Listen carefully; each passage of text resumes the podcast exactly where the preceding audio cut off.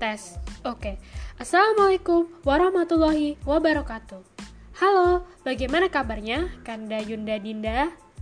Bagaimana puasanya? Apakah lancar? Semoga puasanya lancar ya. Dan semoga kita semua selalu dalam lindungan Allah. Amin. Selamat datang di podcast perdana HMI Unisraya.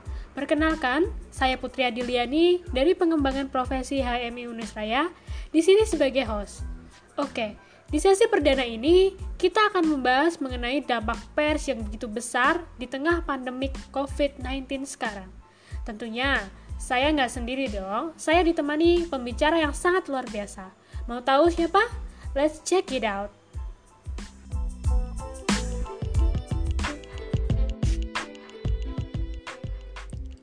Sebelum masuk ke sesi bersama dengan pembicara, saya ingin mengucapkan selamat Hari Pers Internasional untuk kalian para jurnalis yang luar biasa dan telah berjuang untuk memberikan informasi terbaik kepada kami. Teruslah menebar kebermanfaatan dan semoga senantiasa diberikan kesehatan dan dikelilingi kebaikan. Amin.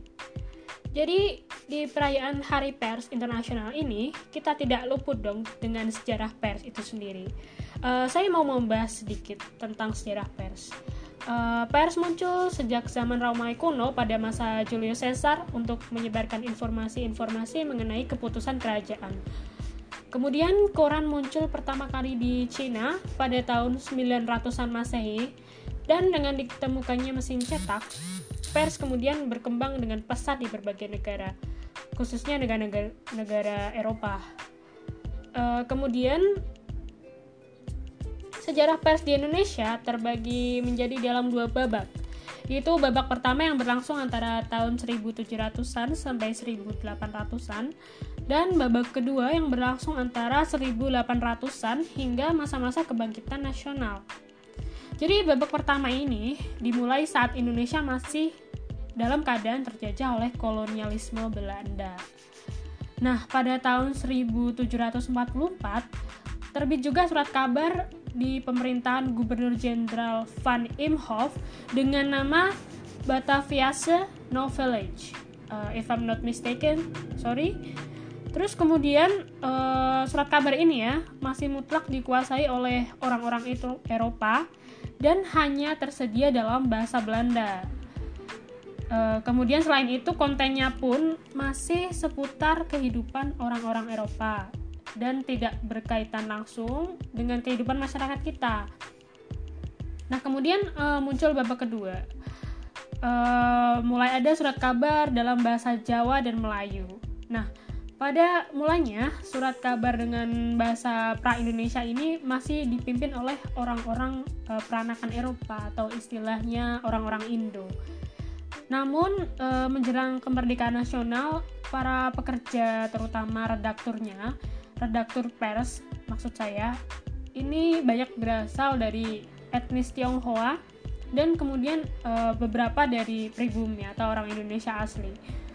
Kemudian e, koran yang pertama muncul dan diperakarsai orang Indonesia asli yaitu oleh RM Tirta di Suryo.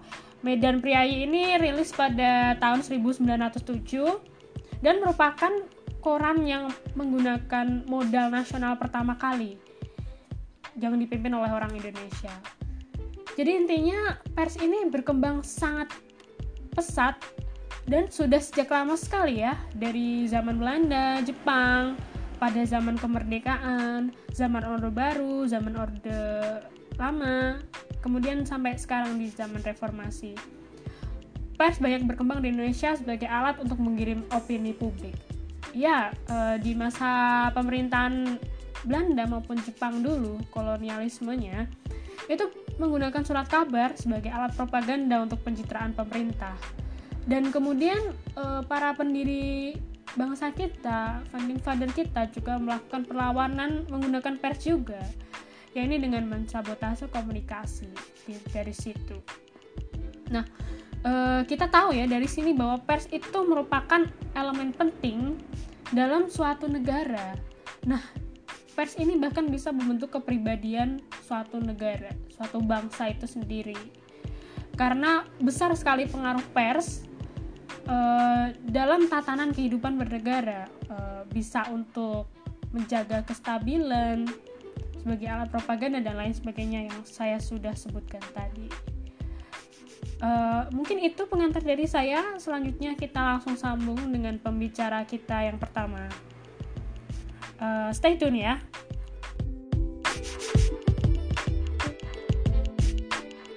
Oke, saat ini saya sudah bersama dengan pembicara kita. Uh, perkenalkan, beliau namanya Mbak Amelia Buana Dewi Islami. Beliau merupakan pimpinan redaksi Lini Kampus. Halo Mbak, bagaimana kabarnya? Alhamdulillah kabarnya baik. Terima kasih Mbak Alhamdulillah. Putri. baik juga Mbak, Alhamdulillah. Puasanya lancar ya? Lancar. Uh, Oke, okay. uh, saya sebelumnya mau mengucapkan selamat Hari Pers Internasional dulu ya Mbak karena uh, kita tahu kalau Mbak juga merupakan uh, pegiat pers. Oke, bisa kita mulai ya Mbak? Siap, langsung mulai aja Mbak. Oke. Uh, Oke, okay, saya mulai menurut UU nomor 40 tahun 1999 uh, antara lain merupakan lembaga sosial dan wahana komunikasi masa yang melaksanakan kegiatan jurnalistik yang meliputi mencari, memperoleh, memiliki, menyimpan, mengolah, dan menyampaikan informasi baik dalam bentuk tulisan, suara, gambar, suara dan gambar, serta data dan grafik maupun dalam bentuk lainnya dengan menggunakan media cetak, media elektronik, dan segala jenis saluran yang tersedia. Oke, itu adalah pengertian pers ya teman-teman menurut UU nomor 40 tahun 1999. Nah, e, berkaca dari ini teman-teman, e, berkaca dari sejarah pers juga yang disebutkan tadi, selain sebagai alat penyebaran informasi, pers juga digunakan sebagai media perjuangan oleh para pendiri bangsa sendiri. Nah, Uh, mungkin Mbak Amelia bisa menjelaskan uh, bagaimana sih konsep pers menurut mahasiswa itu sendiri atau pers mahasiswa. Uh, silahkan mungkin Mbak Amelia bisa mulai memaparkan. Oke okay, ya, uh, mungkin kita nanti akan sedikit mengenal tentang pers mahasiswa karena uh, keterbatasan waktu kita bisa ngobrol lebih lama lagi lain kali ya Mbak Put. Jadi mungkin saya hmm. singkat saja. Uh, sebenarnya yang tadi disebutkan oleh UU nomor 40 tahun 1999 itu sudah lengkap sekali tentang pers secara umum dan pers mahasiswa menggunakan prinsip-prinsip yang sama atau atau cara kerja yang sama dan sistem kerja yang sama pula tetapi uh, di lingkup yang mahasiswa jadi okay. tidak secara umum secara nasional walaupun sebenarnya pers mahasiswa pun bisa mengulik atau mencari tahu atau meliput tentang hal-hal yang bersifat nasional, tetapi pers mahasiswa adalah pers yang anggotanya adalah mahasiswa begitu. Itu sebenarnya singkatnya dari pers mahasiswa. Untuk konsep pers secara umumnya sama. Kita juga menaati kode etik jurnalistik, kita juga bekerja berdasarkan asas-asas jurnalistik dan lain sebagainya seperti itu. Oke Mbak, uh, untuk lini kampus sendiri biasanya informasi-informasi uh, yang didapatkan itu uh, sumbernya bisa dari mahasiswa sendiri atau meliputi banyak hal? Oke, jadi sebenarnya Lini Kampus itu kan uh, merupakan satu redaksi di bawah dari Badan Penerbitan dan Pers Mahasiswa UNES. Jadi di BP2M itu ada dua keredaksian. Yang pertama adalah keredaksian nuansa, yang kedua adalah keredaksian Lini Kampus. Nah, untuk nuansa sendiri nanti outputnya berupa majalah dan e, meliput isu-isu nasional e, mungkin kalau dulu pernah meliput tentang tambak rejo yang edisi kemarin tetapi kalau di lini kampus hmm. itu adalah platform media bentuknya jadi e, website linikampus.com itu kami lebih terfokus kepada masalah yang ada di isu-isu yang ada di kampus UNES terutama dan isu-isu yang ada di wilayah Semarang seperti itu. Nah, untuk sumbernya sendiri dari mana jelas kita menyesuaikan dengan apa yang akan kita angkat. Setelah itu kita baru menentukan siapa narasumber yang tepat untuk uh, pemberitaan tersebut. Misalnya kita mau membahas masalah UKT nih yang lagi rame. Nah, kita akan mencoba mencari informasi dari misal uh, birokrasi, dari teman-teman BEM dan sebagainya seperti itu. Oke, uh, jadi uh, lini kampus sendiri adalah uh, perwujudan dari pers mahasiswa itu sendiri ya Mbak. Uh, sudah lama Mbak di lini kampus? Uh, ini tahun ketiga berarti ya? Oh tahun ketiga. Oh berarti ya, sudah lumayan berpengalaman ya Mbak. Iya, uh, sebenarnya ini kan ada beberapa proses tahapan. Sebenarnya kalau untuk anggotanya sendiri mungkin menjadi anggota dan menjadi pengurus itu baru berjalan periode ini seperti itu. Tetapi kalau dari pertama itu dari awal maba sampai sekarang semester hmm, jadi 4 ya. ada proses seleksi tahun itu sendiri tadi. Nah, ya tahun kedua ini hmm, bisa dijelaskan Mbak bagaimana keanggotaan di klinik kampus atau pers mahasiswa di UNES Oke, untuk keanggotaannya sendiri uh, tadi ya sudah saya jelaskan ada tahapan, ada banyak tahapan sampai tadi saya lupa tahunnya ya. Jadi iya, uh, kita pertama dari pramagang itu kita hanya mengenal tentang uh, apa itu pers dan apa itu berita dan lain sebagainya hal dasar semacam itu. Kemudian ketika kita magang itu kita sudah mulai untuk memproduksi berita dengan bantuan teman-teman reporter anggota kayak gitu. Kemudian kita baru diangkat sebagai anggota dan ketika kita sudah diangkat sebagai anggota dan pengurus itu uh, kita mengorganisasikan BP2M atau lini kampus ini sesuai dengan SOP dari BP2M itu sendiri. Sebenarnya setiap pers mahasiswa pasti punya uh, struktur masing-masing ya tetapi yang pasti ada yang namanya pemimpin umum. Itu seperti ketua umum kalau di organisasi pada umumnya.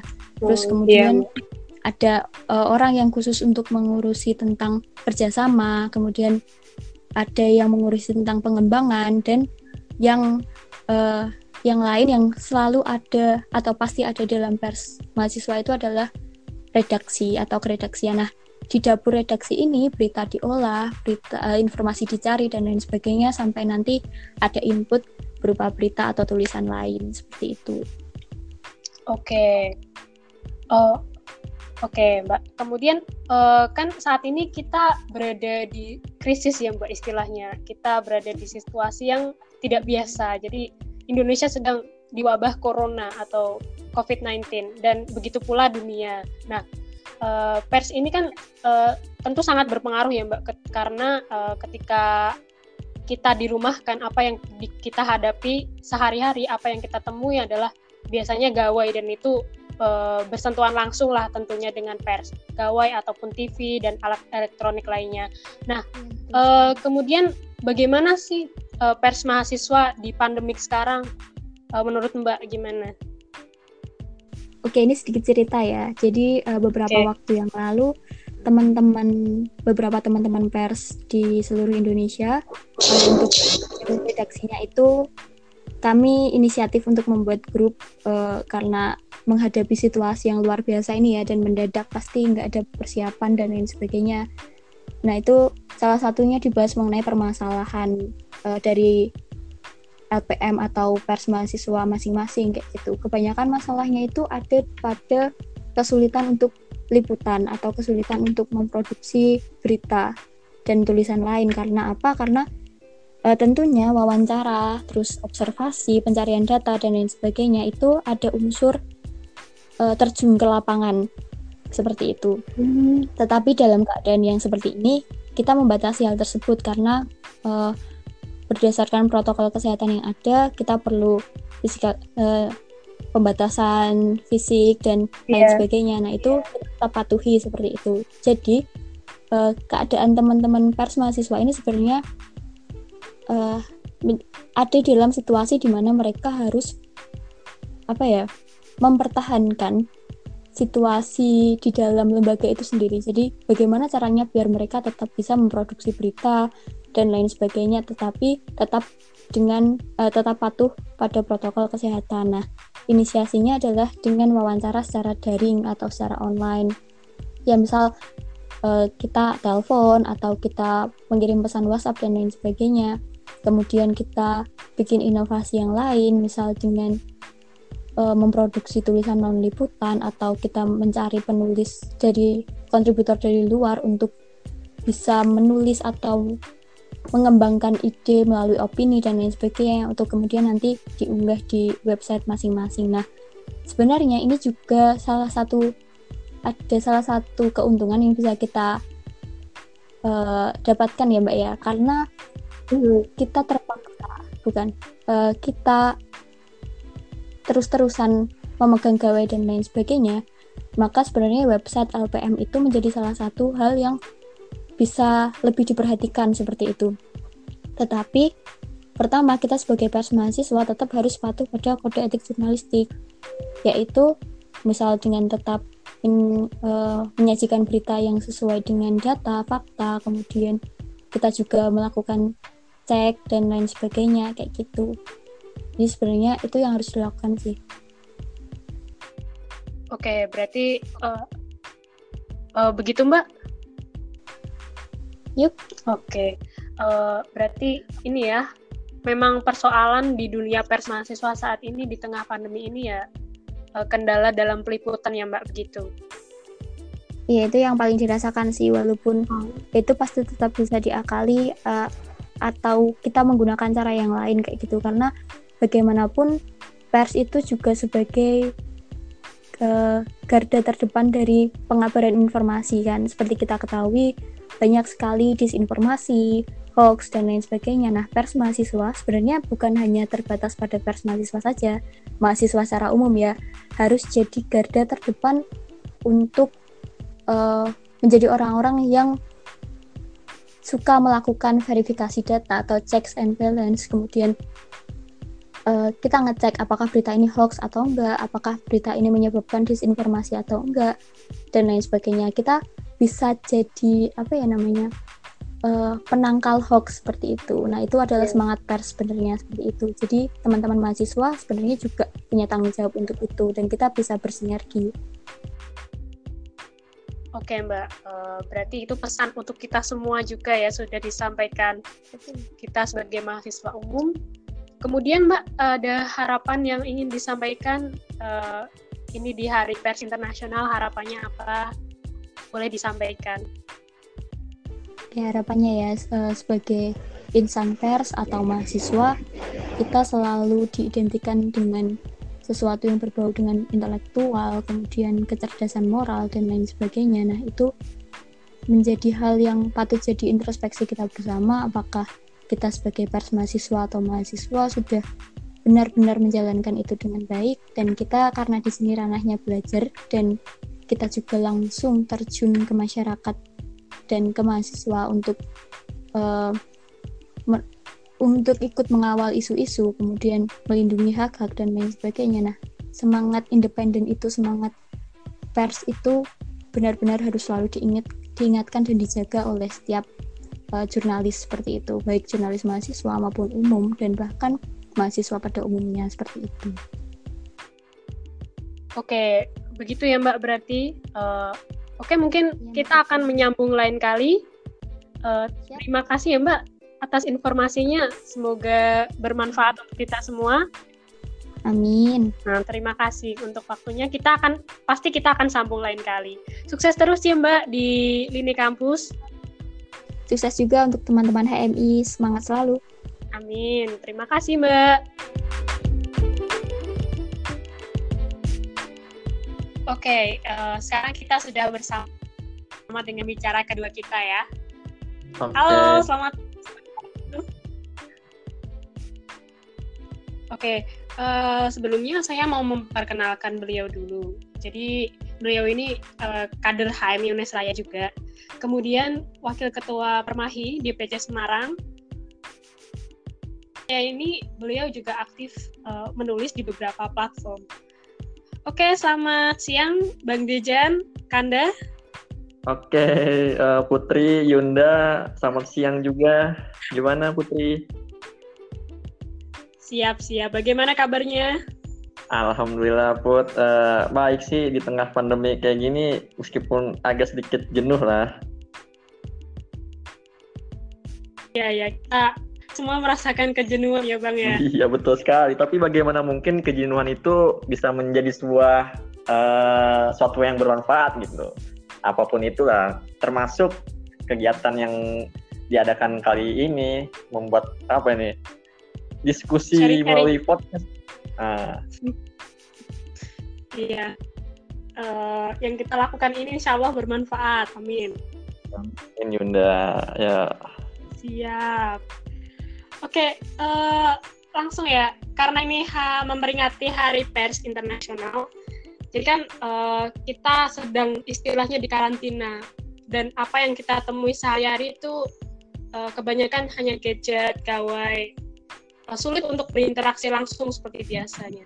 Nah, besar kemungkinan uh, kan uh, kita berhadapan langsung dengan media online itu kita menemui berita-berita hoax, kemudian uh, menemui berita-berita yang menggiring opini, Nah, jadi pengaruh pers ini besar banget di tengah pandemik sekarang. Nah, uh, menurut Abang tuh gimana sih ini? Mohon diceritain pengalamannya dulu deh. Waduh, Yunda ini pertanyaannya cukup berat juga ini. Uh, kalau aku secara pribadi ya, saya bingung nih mulai dari mana nih. Uh, jadi gini. Fakta kita curhat santai aja. Oke, okay. oke okay, Yunda. Uh, bagaimana sih peran media ya, khususnya media pers, baik itu media mainstream ataupun anti mainstream di tengah pandemi COVID-19 ini? Saya ingin uh, mencoba uh, mengingat suatu buku yang pernah saya baca uh, mengenai pers. Kurang lebih judulnya itu tentang uh, manufacturing concern kalau tidak salah. Di situ di buku itu dijelaskan salah satu penulisnya itu Noam Chomsky pernah menjelaskan bahwa uh, masyarakat itu lebih mudah dan lebih bisa diarahkan melalui suatu media. Artinya apa? Uh, saya memaknai bahwasanya pers itu sebagai pers is tool of social engineering. Artinya, pers itu bisa digunakan sebagai alat untuk dapat merekayasa bagaimanakah masyarakat bisa memahami ataupun mengirim opini publik dari suatu berita yang ada di media, baik media mainstream ataupun anti mainstream. Nah, uh, suasana sepertinya sedang mencekam ya. Jelas butuh informasi eh, tentang keakuratan data daripada media. Di tengah suasana wabah corona seperti ini, memang peran media sangat perlu dipenting, sangat perlu eh, penting sekali gitu kehadirannya. Karena media pers baik yang tadi saya bilang baik media online, media cetak, mainstream, anti mainstream, TV, radio dan sebagainya, itu saya memaknai bahwasanya pers itu sebagai garda terdepan dalam mengabarkan berita-berita yang benar dan konsisten dan tentunya berita-berita itu harus e, berpihak pada masyarakat. Pertanyaannya sekarang gini Yunda, e, di tengah virus corona seperti ini, apakah media kali ini sering memberitakan berita-berita yang edukatif ataupun berita-berita yang bikin panik? Iya benar. Uh, gimana Yunda? Iya kebanyakan ini sih beberapa berita malah membuat kita semakin panik. Nah itu saya jujur di rumah uh, saya ngeliat media platform mainstream ya, TV. Iya benar. Hampir seluruh channel TV itu pemberitaannya justru lebih menakutkan gitu, lebih mengarah ke menakutkan daripada memberi sesuatu pendidikan. Kenapa? Hampir dua k satu kali 24 jam di televisi itu tiada henti-hentinya uh, banyak memberi tidak banyak uh, tidak ada henti-hentinya memberitakan pemberitaan-pemberitaan COVID-19 ini tetapi tidak diimbangi edukasinya. Seperti misal harusnya televisi juga menyiarkan tentang dimasifkan juga gitu ya. Bagaimanakah masyarakat Indonesia untuk menghadapi virus COVID-19 ini? Nah jadi kalau saya melihat memang antara mendidik dan menakutkan, khususnya di media televisi, itu lebih banyak dan lebih condong dan berat kepada menakutkannya. Jadi membuat masyarakat Indonesia lebih panik gitu. Nah, yang saya ingin katakan, saya ada beberapa teman-teman gitu ya yang ada di media gitu ya, baik uh, media pers ada, media pers uh, televisi ada, dan media di online juga ada. Kadang-kadang dia katakan bahwasanya memang media itu lebih media ya khususnya televisi itu lebih memberitakan sifatnya yang masih parsial gitu. Sepotong-potong dan itu ketika media pers itu mengambil suatu berita yang diambil itu dari sisi berita yang hebohnya saja Yunda. Iya, yang sebenarnya nah yang sebenarnya ada banyak sisi yang tidak digali lebih dalam oleh pers gitu. Untuk bagaimana caranya media ini mempunyai peranan untuk memberikan suatu edukasi kepada masyarakat. Karena gini, uh, kan kalau kita belajar pers ya nggak belajar maksudnya kita membaca pers bahwasanya beberapa elemen beberapa elemen penting pers itu adalah tentang berita itu harus berlandaskan kebenaran berita itu harus uh, pers itu harus independensi pers itu sebagai forum kritisi dan pers itu sebagai uh, loyalitas kepada publik. Dan terakhir pers itu sebagai kontrol check and, balances. Nah uh, dalam keadaan seperti ini Yunda harusnya media pers harus segera melakukan introspeksi dengan sangat serius dalam tempo yang singkat-singkatnya karena berpengaruh gitu ketika media-media baik cetak ataupun online tidak memperhatikan elemen-elemen tersebut itu membuat suatu uh, pemberitaan yang cukup membodohkan untuk masyarakat. Lalu uh, di mana peran negara? Nah, saya ingin katakan bahwasanya ketika ketika suasana seperti ini harusnya negara bisa memaksa media melakukan suatu pemberitaan pendidikan yang baik bagi bagi publik itu khususnya masyarakat di Indonesia.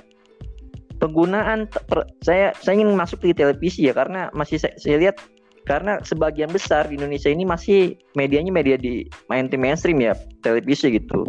Benar. Penggunaan penayangan frekuensi berita-berita dan berita-berita yang ada di ini harusnya seimbang dan balances dengan memberikan suatu edukasi gitu. Negara harus bisa mendorong media agar lebih kreasi, mengisi dan memberitakan yang mengandung unsur-unsur pemberitaan yang edukasi, yang berpendidikan. Tapi dengan catatan Yunda, uh, bahwa negara pun harus ikut andil dalam memberikan suatu informasi berupa data yang valid dengan transparan dan akuntabilitas. Jangan sampai ketika negara tidak melakukan demikian, nah saya ingin katakan bosnya takutnya pers itu bersekongkol dengan negara atau eh, berselingkuh gitu dengan pemangku kebijakan. Karena tadi yang udah saya bilang Yunda, kalau misalnya saya dihukum ya Yunda, bahwasanya ada yang namanya trias politika gitu. Ada eksekutif, belajar eksekutif, belajar legislatif, dan belajar yudikatif saya memahami pers pun ini sebagai lembaga kekuasaan keempat gitu. Karena pers di sini mempunyai peranan penting uh, untuk dapat memberikan prinsip and challenge, prinsip check and balance check and balances fungsi kontrolnya sebagai institusi yang disebut uh, for estate atau pilar keempat demokrasi jangan sampai pers melakukan selingkuh dengan negara karena itu sangat berbahaya. Jadi saya ingin katakan bahwasanya kita harus bisa merefleksikan bagaimana peranan media atau pers bahwasanya dari setiap pemberitaannya itu harus bersifat independensi sebagai alat check and balances atau kontrol bagi penguasa. Mungkin itu saja sih Yun. Oke, jadi uh, tidak dibenarkan ya alasannya uh, pers itu digunakan oleh pemerintah walaupun uh, untuk menutup-nutupi untuk menu, untuk mencegah kepanikan itu bagaimana Anda? Halo. Uh, kalau pers itu digunakan oleh pemerintah, alasannya untuk alibinya untuk uh, mencegah kepanikan itu bagaimana? Nah, uh, memang pers mempunyai peranan yang sangat besar ya sebagai media propaganda gitu. Ketika, dan tadi saya bilang, jangan sampai ketika negara itu tidak memberikan data yang tidak benar, pers pun ikut berselingkuh dengan pemerintah, dengan negara untuk menyampaikan informasi-informasi uh, yang tidak benar tersebut. Lalu bagaimana mengatasi hal tersebut? Harusnya ini peran milenial ya. Lagi-lagi saya bilang uh, peran milenial Yunda sangat ditekankan karena tadi prinsip-prinsip jurnalisme itu yang harus ditegakkan. Misalnya saya bilang tadi katakan bosnya pers itu harus tetap konsisten terhadap kebenaran dalam menyampaikan informasinya. Pers itu harus bersifat independensi. Pers itu harus forum kritisi. Pers itu harus uh, berandaskan kesadaran hati dalam menyampaikan berita-beritanya. Pers juga harus harus uh, memiliki fungsi disiplin verifikasi Yunda. Nah, artinya apa? Ketika ada pemberitaan di media yang dirasa tidak valid, di sini peran milenial. Milenial bisa melihat apakah pers itu sudah menjalankan poin-poin penting pers, misalnya disiplin verifikasi dari Yunda. Seharusnya pers itu ketika menayangkan suatu berita yang tadi yang saya katakan jangan sampai hanya parsial sepotong-potong saja yang diambil pemberitaan yang heboh tetapi dicek juga sisi lainnya sisi lainnya sisi poin poin uh, positifnya dan bagaimana ke verifikasinya? Jadi kan ada tahapan-tahapannya ya gitu ya. Mungkin uh, ini menjadi permasalahan juga ya Yunda. Karena uh, di tengah era reformasi ini di undang-undang tidak salah ya undang-undang pers itu undang-undang nomor 40 tahun 99 uh, setiap warga negara bebas mendirikan uh, pers gitu ya media pers. Nah ini menjadi permasalahan ketika kebebasan itu ketika kebebasan itu uh, tanpa ada batasnya sehingga menimbulkan uh, banyak sekali media-media baik mainstream atau mainstream uh, media-media mainstream atau anti mainstream masyarakat membuat media tersebut. Jadi uh, kita susah memverifikasi gitu media-media mana saja yang bisa dipercaya atau tidak meskipun saya percaya ada beberapa media yang uh, masih konsisten secara tegas dalam setiap pemberitaannya uh, mendasarkan pada beberapa elemen yang tadi saya katakan itu Yunda. Oke, jadi ini memang di masa sekarang ini karena tadi yang seperti Kanda katakan karena ada kebebasan pers itu, jadi kita sedikit sulit untuk membedakan mana media yang bisa dipercaya dan mana yang tidak. Nah, gak banyak ya seperti berita-berita hoax yang memang sengaja dibuat beberapa orang. Itu kan uh, akan meracuni pikiran kita sendiri. Nah, Mungkin dari Kanda ada saran untuk kita semua.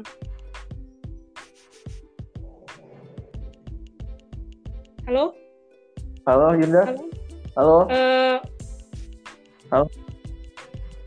Eh, saran kita uh, saran untuk kita semua uh, sebagai ya generasi milenial lah untuk uh, mengatasi bagi uh, dengan adanya pers yang terlalu bebas ini untuk uh, adanya banyak berita hoax yang bertebaran, mungkin Kanda bisa memberikan kita saran. Karena waktunya terbatas ya, ini langsung ke saran aja ya. Oke Yunda, sebenarnya banyak banget ya uh, yang ingin saya sampaikan gitu dalam uh, dalam acara ini.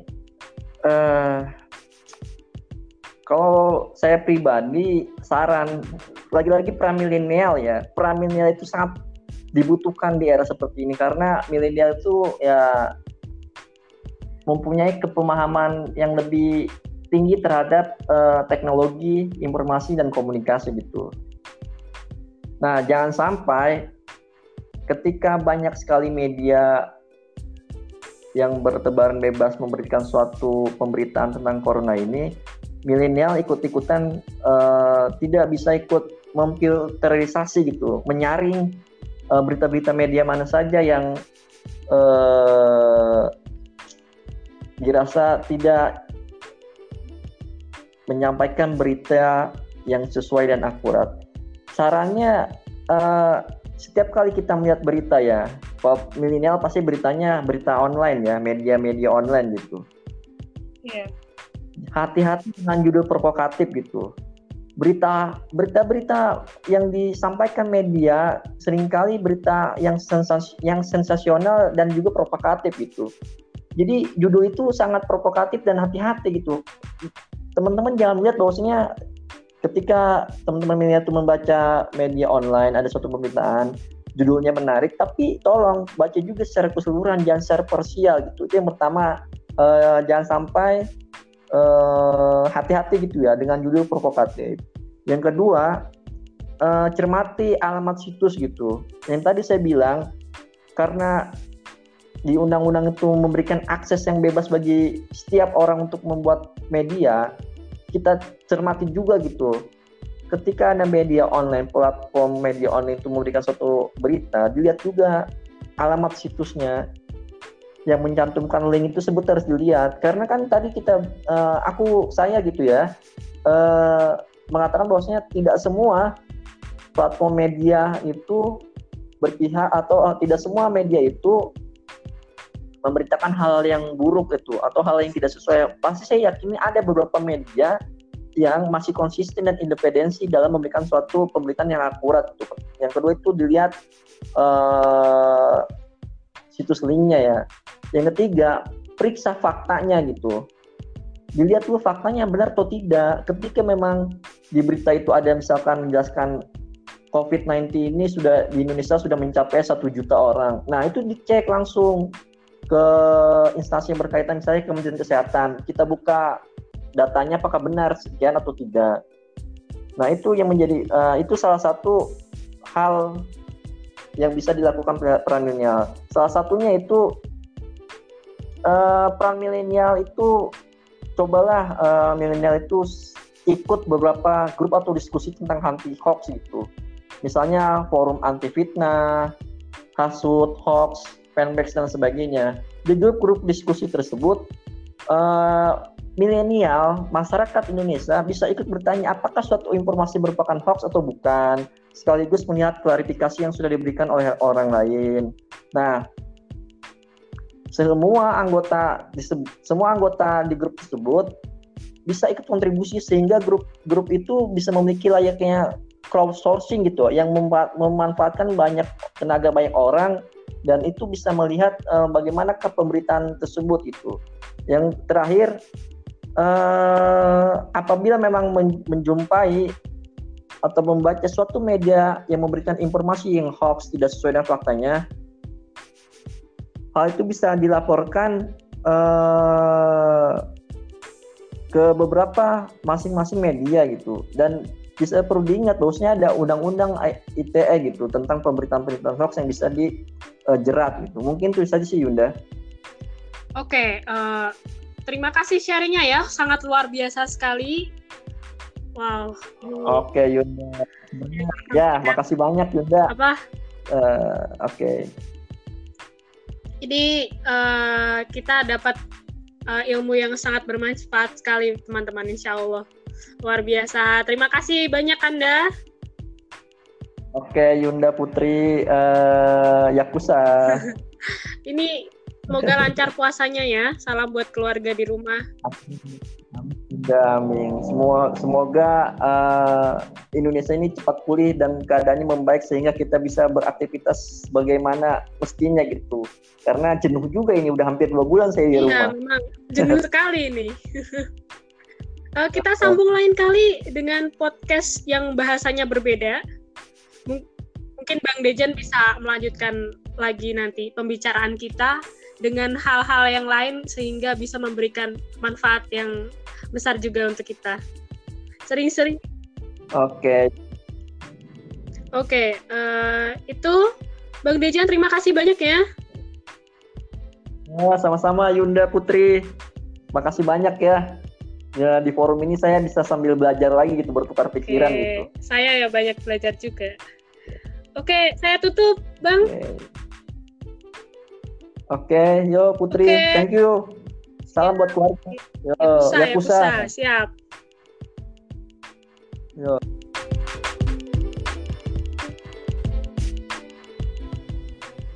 Oke, saya kira sampai di sini. Semoga ilmunya bermanfaat untuk kita semua. Amin. Eh, lalu kita bisa sambung dengan episode selanjutnya dengan bahasan yang luar biasa juga. Nantikan di ha- channel HM Yunista ya. Oke, sekian. Yakinkan dengan iman, usahakan dengan ilmu, sampaikan dengan amal. Saya Putri Adiliani sebagai host mengucapkan banyak terima kasih atas perhatiannya dan saya meminta maaf apabila ada salah kata baik itu yang disengaja maupun tidak. See you again. Wassalamualaikum warahmatullahi wabarakatuh.